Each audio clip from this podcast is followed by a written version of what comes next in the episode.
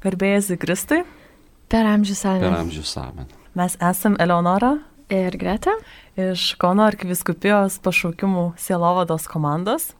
Taigi tęsėme mūsų susitikimus pašaukimo tema ir jo pažinimu šventajame rašte. Šiandien susitinkame su Katalikų teologijos fakulteto dekanu Benu Levičiumi. Sveiki, gera būti čia kartu su jumis. Sveiki. Ir kalbėsime nuodėmės tema ir kur žmogus yra kviečiamas jos akivaizdoje, ypač po pirmosios nuodėmės. Taigi, jeigu atsimintumėm pačią pradžią, kai žmogus gyveno Dievo prieglopstyje rojuje, kada viskas buvo tobula, žmogus buvo sukurtas pagal Dievo paveikslą ir panašumą ir jis yra natūraliai dieviškas. Kitoks jis tampa po nuodėmės, žmogus tarytum viską turi, bet pradžioje esti nepakankamumas. Taigi, kodėl žmogui neužteko to, ką jis jau turėjo, to, kas jam jau buvo padovanota. Na, vos pradedam kalbėti apie pradžios knygos pasakojimus, laidų dešimties gali neužtekti, nes tikrai vienas iš bruožų tų pasakojimų, jei pastebim, yra, kad jie labai glausti, atrodo, lakoniški, trumpi pasakojimai. Taip pat papasakoti labai ypatingą kalbą, ne kasdieninė, ne būtinė, atrodytų e, lyg ir paprasti tie žodžiai, bet geriau pasigilinę matom iškart, kad ten yra užkoduota žinia. Ir gal galėtumėm taip įsivaizduoti, kad žodiniai visuomeniai, visuomeniai, kuri neužrašinėdavo savo minčių, kažkur kitur neturėjo galimybės pasidėti lentyną, kad vėliau paskaityt, patys brangiausi dalykai buvo saugomi perdodant iš lūpų į lūpas. Ir jeigu įsivaizduoji tūkstantį metų tokio proceso, tai neturi prabangos tris tomus perduoti ir tenka koncentruoti tą žinią, sutelkti į pačias galingiausias tokias frazes, savokas, žodžius ir vaizdinius. Čia šiek tiek primena kaip fizikoje. Maždaug galėtum sutelkti visą materiją į vieną vietą taip, kad neliktų jokių ten tarpų ir tada turėtum cukraus kubelio dydžio materialų dalyką, bet jis būtų nežmoniško svorio. Svoris viršytų žemės rutulio svorį, pavyzdžiui, ar ne? Tai čia mhm. keli sakiniai, o svorio juose tiek, kad tūkstančius metų gali sluoksnį po sluoksnio nagrinėti ir neišsemti visos tos gelmės. Todėl labai svarbu čia atsakyti savo klausimą, kas yra esminė žinia, į kurią reikėtų atsiremti ir paskui toliau gyvenimo kelionį tas detalės kažkaip naujai suprasti. Ir katalikų bažnyčios katekizmas tą esminę žinią sako taip, sako tai yra pasakojimas apie rojų, apie žmogų, žmoną, Adomą, Jėvą, pasakojimas apie tikrus istorinius įvykius, papasakotas tokia, kaip sakiau, užkoduota kalba. Ir pagrindinis klausimas ir žinia yra, kad mes visi kylam iš vienos šaknies. Mes esam ta pati rūšis. Mes visi žmonės esam šiuo požiūriu broliai ir seserys. Ir štai ten žmonijos aušroj, toj vienoj šakny yra ir nuostabus potencialas gėriui, gebėjimai gėriui, kad mes tikrai savyje nuolat randam nepaisant baisybių, išmėginimų, randame kažkokį milžinišką ilgesį į gėrį, į tai, kad viskas bus gerai, į tai, kad mes galim būti geresni, tai mes sakom, štai mūsų pagrindiniai duomenys, mes sukurti Dievo ir sukurti kaip taip pat žemė žmonės, žmonių vaikai, toliau jau per kartas, bet ir pašaukti būti Dievo vaikais.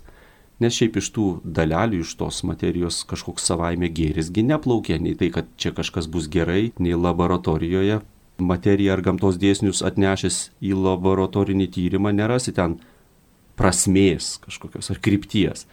Vadinasi, čia kažkas iš Dievo, čia kažkas sukurta mumise, įdėkta. Ir nepaisant viso to gebėjimo gėrių, ilgesio į gėrį, krypties į gėrį, yra kažkoks gedimas. Ir kaip augale, jei šaknis sveika, augalas sveikas ir vaisiai sveiki, taip ir jeigu šaknis yra sugedusi, kažkoks yra lyga, pavyzdžiui, jį pasklinda per visą augalą ir į vaisius, tai žmonija kaip toks augalas, kuriame nuostabūs vaisiai, bet yra taip pat kažkoks gedimas ir mums čia yra klausimas, kas nutiko, kas įvyko, kodėl mes, nepaisant to troškimo būti Dievo vaikais ir troškimo gėriui, matome, kad nepajėgus tam esam. Vadiname tą gimtają nuodėmę, įgimtų negebėjimu pasiekti rojaus harmoniją, dangų.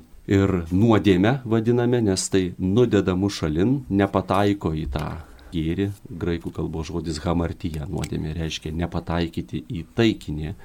Tai štai žmonė tokia yra nepataikanti. Taikinį nutuokiam, nujaučiam ir niekaip iki galo nepataikom šiandien kaip niekad apie tą galima gerai kalbėti ar ne, nes praeina kažkokie tai genocidai, skerdynės, baisybės ir sako žmonės daugiau niekada, daugiau jau tikrai niekada. Ir praeina viena karta, antra karta ir mes vėl atsidurėm tam pačiam taške ir pasirodo sudėtinga būti žmogumi.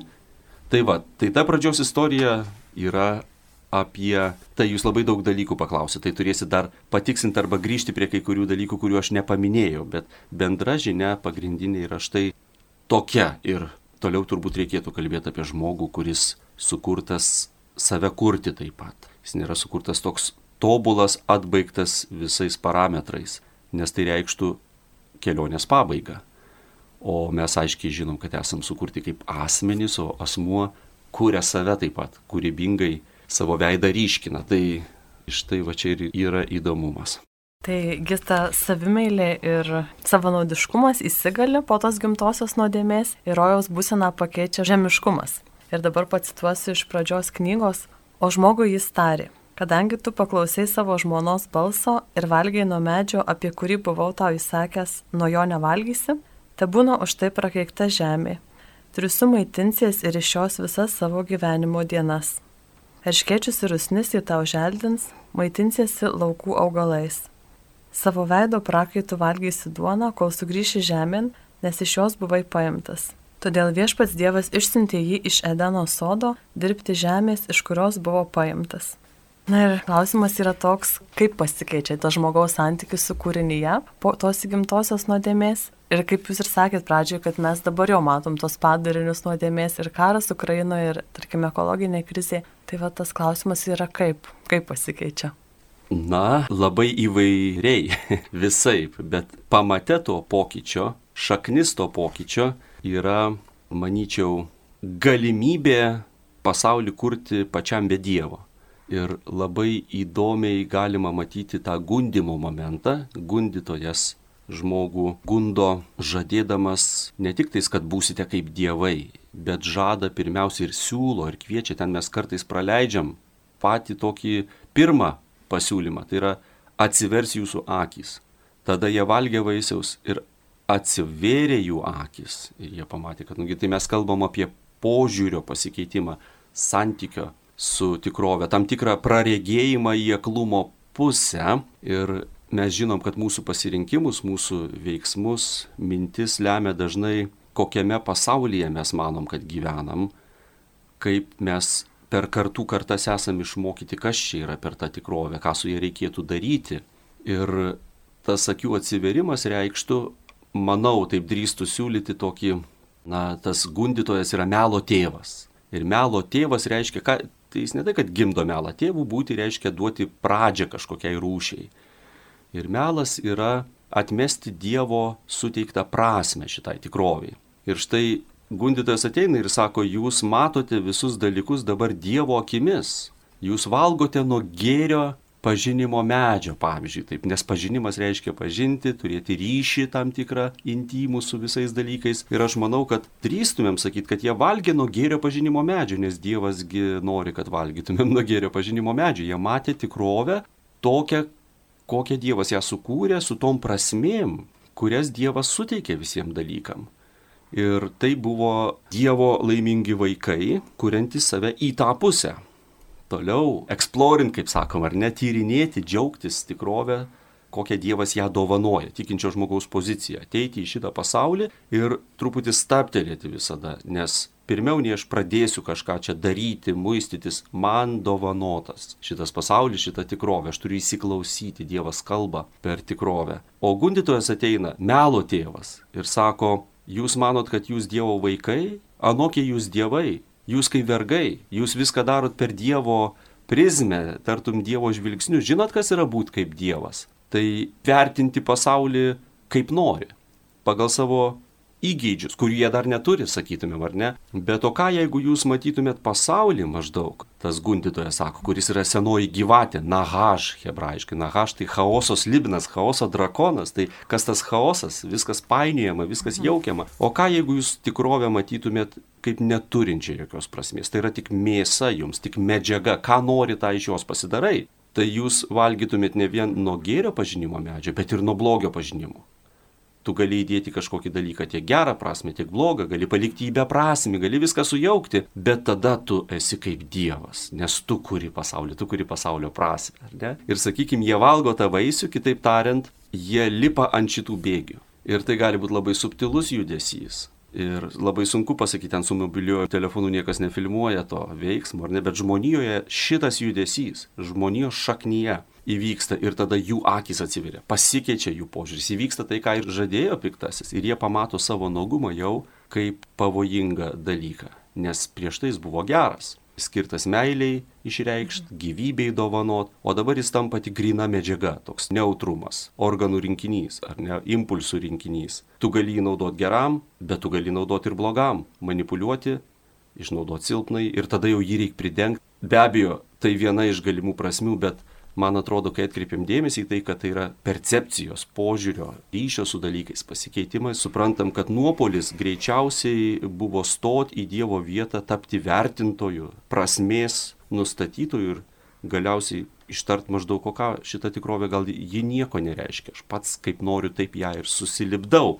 Ir mūsų nuodėmių pagrindas labai dažnai ir yra čia. Čia ir ta puikybė, čia ir ta iliuzija, kad tu kažką iš tikrųjų labai valdai. Čia ir noras manipuliuoti kitais, nes tu imiesi būti kitų likimų valdovu Ir čia ir iškreipti visokie požiūriai ir negebėjimas tiesiog kurti save Dievo kryptimi. Nežinau, čia daug labai minčių pasakiau, bet galima Gerai. pamatyti krypties tokį pasikeitimą. Nes aš dar irgi norėjau tiesiog pridėti va, tą mintį, kuri atėjo, kad iš pradžių tai kaip ir žmogus buvo sukurtas tiesiog mėgautis tuo rojaus sodu, o paskui jam jau reikėjo tą žemę dirbti ir savo prakaitų užsidirbti duoną. Tai irgi toks pokytis, kad jis jau kaip ir negali visiškai taip atsipalaidavęs gyventi to žemėje, bet jau prakaito reikia, kad kažką užsitarnautų tarnautų. Taip, taip, tai labai gražus pastebėjimas, aš taip negalvojau, bet tikrai teisingai sakot, žmogus vietoj to, kad apglėptų tikrovę ir būtų tikrovės kunigas, tai reiškia stotų visų daiktų prieš akiją ir garbintų Dievą, jis pradeda grumtis su tikrove ir tikrovė pradeda grumtis su juo. Tai harmoninga vienybė mažėja. Ir čia ta, ką popiežius Pranciškus apie tą dvasios ekologiją kalba, kas būtų ta dvasios ekologija kad tu ateini ne kaip tikrovės prievartautojas, tos pačios gamtos prievartautojas būtinai. Pavyzdžiui, yra tokių labai subtilių klausimų, kur mes katalikai jautriai reaguojame, bioetiniai klausimai, genų inžinierija, genų darbas genų lygmenyje. Tai mes labai pabrėžiam, kad svarbu ir gera gydyti lygą. Bet čia mes kalbam apie kitą tokią pažiūrą. Ateina žmogus ir jis sako, a, aš galiu programuoti genus ką čia galėčiau tokio priprogramuoti, ar ne? O gal mamutą atgaivinti, o gal dinozaurus, o gal padaryti žmogus su sparnais. Ir sako, o kodėl tu tą darai? Todėl, kad aš galiu. Tai tas, because I can, aš galiu. Ir tai nėra pakankamas pagrindas jaukti kūrinijos tvarką. Taigi turime žmogų, kuriam kurie plane buvo skirta tarytum tarnauti bendram gėriui ir kiekvienam pagal savo išgalės. Tačiau ta jo moralinė būsena tampa sužeista Ir e, kaip šitoj akivaizdoje, kur Dievas mus link kviečia, ar pasilikti toje nuodėmėje, ar tiesiog nežinau, koks yra tas Dievo planas šitoj vietoj. Na, Dievas yra gyvybės šaltinis. Ir jis todėl turbūt niekad nėra statiškas. Mes klaidingai įsivaizduojam, kad jeigu jau Dievas amžinas, nekintantis, tai Nu ką mes žemėje nekintančio matom, tai lavonus ir akmenis. Tai reiškia labai jau negyvas dalykas atrodo. Bet čia yra tokia gyvybė, kur gyvybės pilnatvė, joje visa įmanoma dinamika yra ir todėl manau svarbu, kalbant ir apie pašaukimą, kad Dievas kiekvieną akimirką man visada yra naujas. Nes mes to mūsų tarpasmeniniuose santykiuose kviečiami esam išmokti. Pavyzdžiui, man mano žmona niekad neturi tapti savaime suprantama įprasta Natūralu, kad ji man įprasta, bet kiekvieną rytą, žiūrėkit, bažnyčia ragina mus dėkoti už viską. Tai reiškia, tu priimi pasaulį, kiekvieną rytą, tartum, dėl tavęs čia iš naujo sukurtas pasaulis. Tu turi naują šansą. Ir tas žmogus kiekvieną kartą, kai tu pamatai, tartum iš naujo sukurtas. Ir jeigu tu pamatytum jį iš nebūties išnyrantį iš naujo sukurtą, tai tau pasišiauštų plaukai, oda pašiurptų iš nuostabos, netikėtumo, tu verktum iš džiaugsmo ir viską padarytum dėl šito stebuklo. Bet mes chroniškai apsiprantantys žmonės. Ir jei tai būtų, mums užtektų vieno meilės bučinio visam gyvenimui mums užtektų vienos Euharistijos tapti šventais, bet mes chroniškai apsiprantantis žmonės. Ir ką aš noriu pasakyti, kad šis Dievo stilius, būdas man yra išgelbėjimas. Man tai reiškia kiekvieną akimirką iš naujo, iš naujo, iš naujo tikrovę. Tai kiek aš būčiau bent nusidėjęs, sužeistas, nes katalikų bažnyčia nuopolį įvardyja kaip žaizdas yra pažinimo žaizda, tai reiškia negebėjimas pažinti tiesą, palio žaizda, negebėjimas tikrai rimtai siekti gėrio, kūno žaizda, tai yra tiesiog tokia netvarka kūrinyje, jauti, kad jį galėtų būti geresnė ir įbręsti į kažką geriau. Tai kiek aš beraščiau save tam nuopolyje, žemesniai pozicijoje negalėčiau būti, tai kiekvieną akimirką iš naujo man yra naujas kūrybinis projektas, o ką aš galiu dabar nuo šios akimirkos mažą žingsnį padaryti į tą sveikatos pusę. Ir minėjau net taip ir, ir kūno sveikatos. Jei gyveni meilę, tu galvoji, kad tu ir kitiem tarnau turi. Ten tėtis, mama galvoja apie savo vaiką, kad užauginti turi. Tas motyvas, kad turiu gražiai atrodyti, čia jis labai toli dinksta, nes tu galvoji apie kitus dalykus. Savo tiesos kelionę tiesoje, kelionę meilėje. Ir tai kiekvieną kartą kūrybinis naujas procesas, kurį Dievas atveria kiekvieną akimirką iš naujo. Ir todėl turbūt klaidinga galvoti apie tą pašaukimą, kur kažką Dievas man suprogramavo ir aš prieš metus kažkas ten suprogramuota buvo ir dabar Dieve, aš ten nepataikiau kažką, dabar numigravau metai į šalį. Stop, ant kelių, atgaila, šią akimirką Dieve, aš tavo, tu mano kiekvieną akimirką iš naujo, ar galėčiau kažką padaryti, kad meilės būtų daugiau. Tai gana paprastas, sakykime, užmojas ir labai, labai didelis Dievo atlaidumas, bet labai didelis reiklumas, samoningumo pirmiausiai.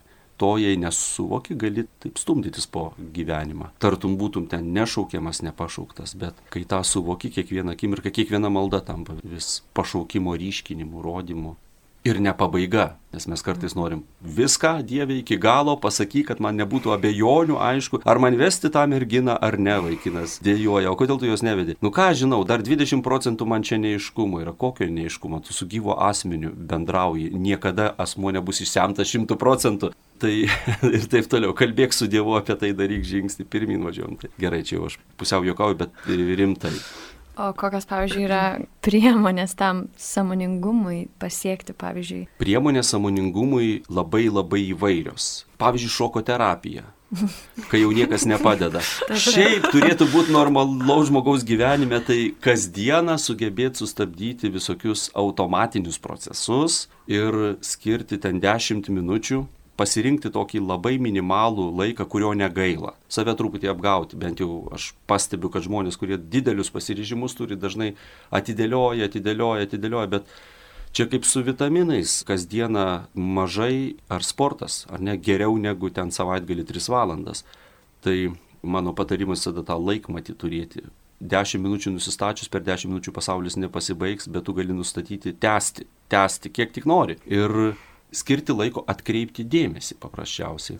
Labai galingas, paprastas pastebėjimas išmintingo žmogaus sako, na, kaip tu gali kažką išmokti, jeigu tu visą laiką spurdi, jeigu tu negali kelias akimirkas tiesiog ramiai pabūti vienoje vietoje. Kai tu atsisėdi vienoje vietoje, atsiklaupi, po truputį pradeda atsirasti šitas pasaulis tu pamatai, kad tu bėgiodamas negirdėjai daugybės garsų, jie pradeda ryškėti, tu juos atkreipi dėmesį, tu nepamatėjai daugybės grožio dalykų, jie pradeda ryškėti, gal tu nepastebėjai tada kažkieno skausmo, jis pradeda ryškėti, daug dalykų atsiranda. Supranti, kad gyvenai kaip stiklainyje ir tas stiklainis tirpsta ir atsiranda pasaulis. Tai pirmas žmogaus pašaukimas būti kūrinijos kunigu, gyventi pasaulyje, kuris tau dovanotas. Apie tą kalbėjom. Kokia gali būti nuostaba, jeigu manęs šitam pasaulyje nėra. Aš ten į daiktus atsimušinėjau, labai daug spurdų darau kažko, bet viskas uždaryta. Tai kai skiri laiko šitam labai labai paprastam buvimui, pradeda grįžti tikrovė į namus pas tave. Ir tada iš to atsparos taško su Dievu gali kūrybingai spręst, klaust, ką toliau daryti. Tai čia paprasta tokia praktika, disciplina. Mes kalbam apie savo maldos gyvenimą, taip ir maldos gyvenimas paprastai žiūrėkit, nuo ko ir prasideda. Katalikų bažnyčia siūlo visokių maldos metodų. Bet ne tam, kad tu turi juos įsikipti, bet tai kaip luošam ramentai. Nes tau reikia rasti kažką, kas padėtų sutelkti dėmesį į vieną vietą. Sutelkti, rekolektuoti, rekolekciją, kolekcijas, iš naujo surinkti savo galės į vieną kolekciją. Ir tada jau pasirodo šventa dvasia su tavim gali kažką daryti. Bet čia toks konvencinis būdas. Kai tai mums neišeina, mums dažnai neišeina, man atrodo, Dievas taiko tą šoko terapiją. Ir aš dabar labai nenorėčiau to sakyti radio eteryje, bet mano gyvenime buvo, nulaužė koją Dievas. Nu ne tai, kad Dievas nulaužė, bet žinai, kai tu bėgi, bėgi, bėgi ir staiga partrenkė tave automobilis ir tu mėnesį nebėgi. Ir po to mėnesio tavo gyvenimas pasikeičia. Tai sustabdo tave. Ir kartais dalykai, kurie mums labai ar nemalonūs, ar nepatinka, jie yra gera proga nubusti.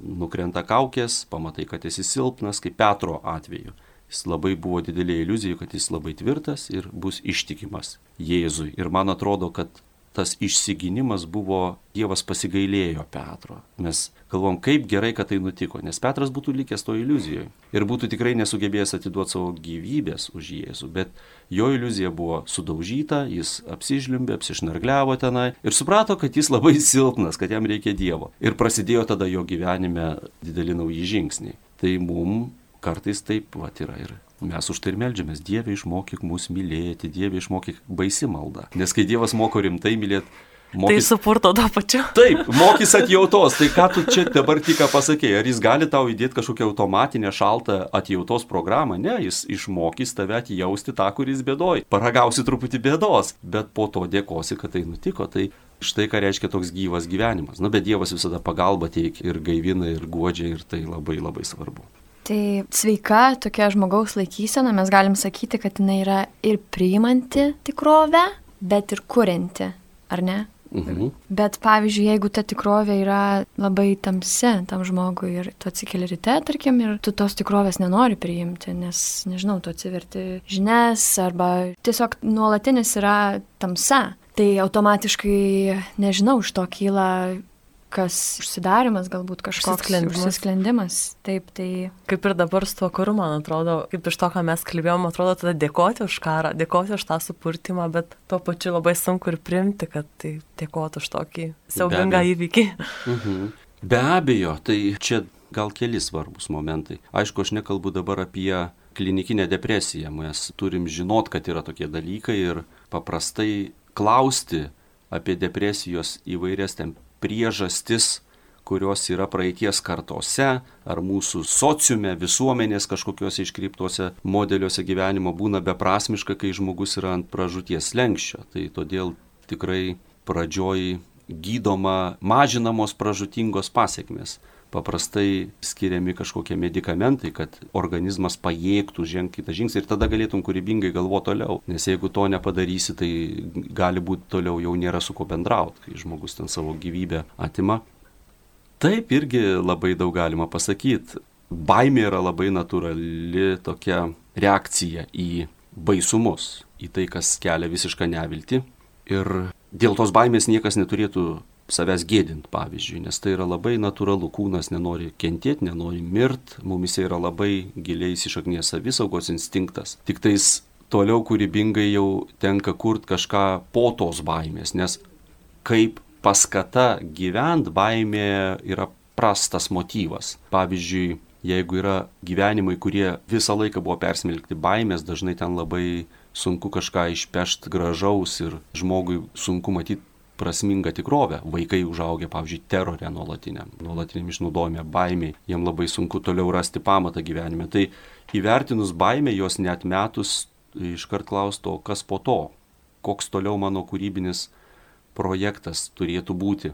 Nes čia aišku labai lengva kalbėti prie radio mikrofonų, kai saugiai sėdime, postringot apie tai, bet katalikų bažnyčios mintis yra tokia. Popiežius Pranciškus savo Leudatos enciklikoje apie tai kalba, kad šita tikrovė yra brandinama, ji yra sukurta gera, bet, bet tartum gimdymo skausmuose. Ir tas palyginimas labai senovinis palyginimas, kad gimdymo skausmai gali būti, kad tavo išmėginimai ir bėdos ir problemos, kokie baisus bebūtų, kažkas panašaus į gimdymo skausmus. Jeigu bandytumėm įsivaizduoti baisiausiai įmanomą įvykį mūsų gyvenime, ko gero buvo gimimas. Taip gerai pagalvojus iš šiltos, tamsios, tokios jaukios aplinkos tave traukia, spaudžia, tikrai tu manai, kad kūdikio visos lastelės reikia, kad dabar tu žūsi, tave čia kankina, tau nuraus visas, nu tai yra baisus patyrimas. Neveltui tie vaikai reikia, panika ten apėmusi visus aplinkui, bet niekas nesako, tai gal nekankinkim to vaikelio, tegu lieka viduje, ar ne? Tai pirmin turi gimti ir daug atvejų tinka šitas palyginimas, iš tikrųjų tinka. Taip pat, kad kalbam jau apie tą rojų ir žmogaus sukūrimą, vis dėlto reikia pagalvoti, kad sukurti pilną, brandų asmenį tiesiog paprasčiausiai iš karto neišeina. Mes įsivaizduojam kartais, kad pirmieji žmonės, reiškia žmogus, žmona, vad mes ten tą istoriją skaitom ir toks tartum atrodo sukurtas intelektualus, brandus, sąmoningas ir asmeninis žmogus, be kaukės. Jis turi spalvą tam tikrą asmenišką. Bet tai visiškai neįmanoma, jeigu šitas sukurtas žmogus nesusidūrė su tikrovė, su kažkokiais stimulais, kuriuos priima kaip iššūkį arba kaip paskatą, kaip džiaugsmą, grožį ir taip pat nemalonius dalykus. Nes tie stimulai, taip kaip tu reaguoji asmeniniu būdu į tikrovę, ryškina tavyje kažkokius skirtingus dalykus. Jeigu įsivaizduotumėm šimtą iš karto sukurtų žmonių, jie visi būtų vienodi. Tai būtų žmogiška prigimtis. Kuo skiriasi tie veidai? Tai tartum 50 klonuotų triušių. Jie visi vienodi. Tas pats genas, ta pati genetika. Ir mes vad skiriamės visi veidais, savo požiūriais, santykių su tikrovė, todėl kad praėjo tūkstančiai ir net milijonai metų, kai kiekvienas iš mūsų ta žmogystės programa paleista į pasaulį, skirtingai šiek tiek reagavo į visokius išmėginimus, išbandymus, atjautos reikalingus dalykus ir tai išryškino labai specifinius veido bruožus mumise. Ir ko gero, kad taip gali matyti tą tikrovę kaip kūrybinį procesą, kuriame žmogus sukurtas su galimybė save toliau kurt ir išryškint asmenį. Tai mes tokie kaip kūdikiai. Galios mumise visokios žmogiškos yra, bet nei vaikščiot mokam, nei dar kalbos mokam naudoti gebėjimus, o paskui išmokstam. Ir kiekvienas įgyjam savo asmeninę tam tikrą kalbą ir savo veidą. Ir kitokiu būdu neįmanoma turėti laisvą būtybę ir laisvą asmenį. Net jeigu būtum Dievas, aš nežinau, ar įmanoma įsivaizduoti, kaip tą galėtum padaryti. Taip kažkaip. Na, pavyzdžiui, turi vaiką namuose ir sakai, fainas vaikas, labai geras, koks gabus. Na ir kągi, reikia brandinti vis tiek, nes daug požiūrių nebrandus. Ir sakytų, žiūrėkit, čia toks švirkšteva, toks preparatas, ar ne, suleidė tų vaistų. Ir vaikui dešimt metų brandos prisideda. Ar tai yra įmanoma? Ar įmanoma tokia automatinis subrandinimas? Tai dėl to mes ir skaistyklą tikime. Mes tikim, kad net po mirties yra brandinimas tęsis ir Dievas negali sakyti, o dabar aš, kiek čia trūksta iki šventumo, tokia automatinė programėlė milijardam žmonių ta pati. Standartinis šventumas. Nėra standartinio šventumo. Yra dvasia, kuri veikia tavyje tokiame, koks tu esi. Ir rezultatas visada unikalus. Tai kai taip matome, mes klaiku tikrai daugybė baisybių tikroviai pasaulyje ir mes ką renkamės baisius dalykus daryti. Ir kartais nutinka kažkokie sukretimai, kur nemokė paaiškinti kodėl. Galbūt vienintelis toks arba vienas iš protingų būdų būtų pamatyti, kad be šitų dalykų kažkaip tai ne, neišeina asmuo. Jo neturi, negali turėti tos mens. Turi tada žmogaus genomą mėgintuvėlyje. Vat ir viskas. Ir jis nepaleistas gyventi, jis, jis neregavęs, jis neturi jokių asmeninių brožų. Sėdėtume čia laidoje trys standartiškos mintis, lygiai tas pats veidas, lygiai ta pati istorija, nes istorijos nebuvo, mus pernelyg Dievas, Dievas mus tiesiog labai labai apsaugojo maždaug. Jokių sukretimų, jokių visą laiką temperatūra ta pati, vitaminų kiekis tas pats. Ir mes būtumėm po tūkstančio metų lygiai lygiai tokie patys. Ar kam nors būtų įdomu susitikti ir pasikalbėti? Ar būtų įdomu klausyti laidą? Tikrai ne. Tai praktiškai taip ir klausimas. Ką renkies - asmenį ar komfortabilę programą? Atrodytų, kad kartais lengviau būtų komfortabilę programą. Bet, Kur daugiau prasmės. bet kur daugiau prasmės, kur daugiau gelmės, jaučiam tą dramatinę asmens vertę. Ir tada daug dalykų gal amžinybėje pamatysim, kaip jie sugrojo kartu asmens ryškinimui. O kaip, pavyzdžiui, mes galėtumėm šitoj, tai apie ką kalbėjome, suprasti skaistumo vaidmenį. Kaip jį, kaip... Man labai patiko Gintauto Vaitoškos suformuluotas apibrėžimas skaistumo. Skaistumas yra gimties galios suosmeninimas. Kitaip tariant, vis dėlto ta gimties galia mumise, tas vadinamas lytiškumas, mes patiriam jį kaip labai stiprią automatinę jėgą pirmiausia. Ir ji yra ir kitose gyvybės pakopose. Galim pasižiūrėti, kuo mes skiriamės nuo gyvūnų. Gyvūnai gana nuspėjami. Ateina tam tikras laikotarpis ir tu nuspėt gali, kaip jie elgsis. Ir nedaug jų poelgiuose, koks sudėtingas gyvūnas bebūtų, nedaug poelgiuose yra asmeninio pasirinkimo. Net ta, ta gale gimties jį stumia pratesti gyvybę. O žmogus kaip tokia vat kūrybinga būtybė pašaukta kūrybingai žvelgti į dovanotą tikrovę ir taip pat ta tikrovė yra išorėje, bet ir manyje, gamta yra manyje pasirodo tos galios. Aš galiu asmenin. Tai vad kalbėjom, kad tikroviai žmogus tampa vis labiau asmeniška būtybė ir tai reiškia, kad ir mūsų požiūris į gamtą mumise taip pat bus giliai asmeninis ir unikalus. To priešingybė būtų pavyzdžiui pornografija, kur žmogus ir toliau yra organų rinkinys, impulsų rinkinys ir ko pornografijoje yra mažiausiai, tai yra veido, asmens. Galvų tenai nereikia, veido ten nereikia. Tai yra pornografijos priešingybė. Kaip aš kūrybingai su meilė sieju gamtą, kurią randu ne tik išorėje, bet ir savyje. Na ir tada pasirodo, kad sprendimai gali būti ir nestandartiniai, ir netokie kaip gyvūnų pasaulyje. Mes matom tada pašvestojo gyvenimo galimybę, mes matome santokoje praktikuojamą tą lytiškumą arba tą gimties gebėjimą. Ir bažnyčia visada iš tikrųjų pabrėžia tą tarp asmeninio ryšio vertę šituose dalykuose. Ir daug dalykų, man atrodo, mes neteisingai suprantam, nes mes perkeliam viską į tokį maždaug galima, negalima, leistina, neleistina. Bet bažnyčia dažniausiai sako, atitinka žmogaus orumą ar netitinka orumą. Ir konkrečių sutoktinių atveju visada pabrėžia tai, kas priimtina abiems sutoktiniam.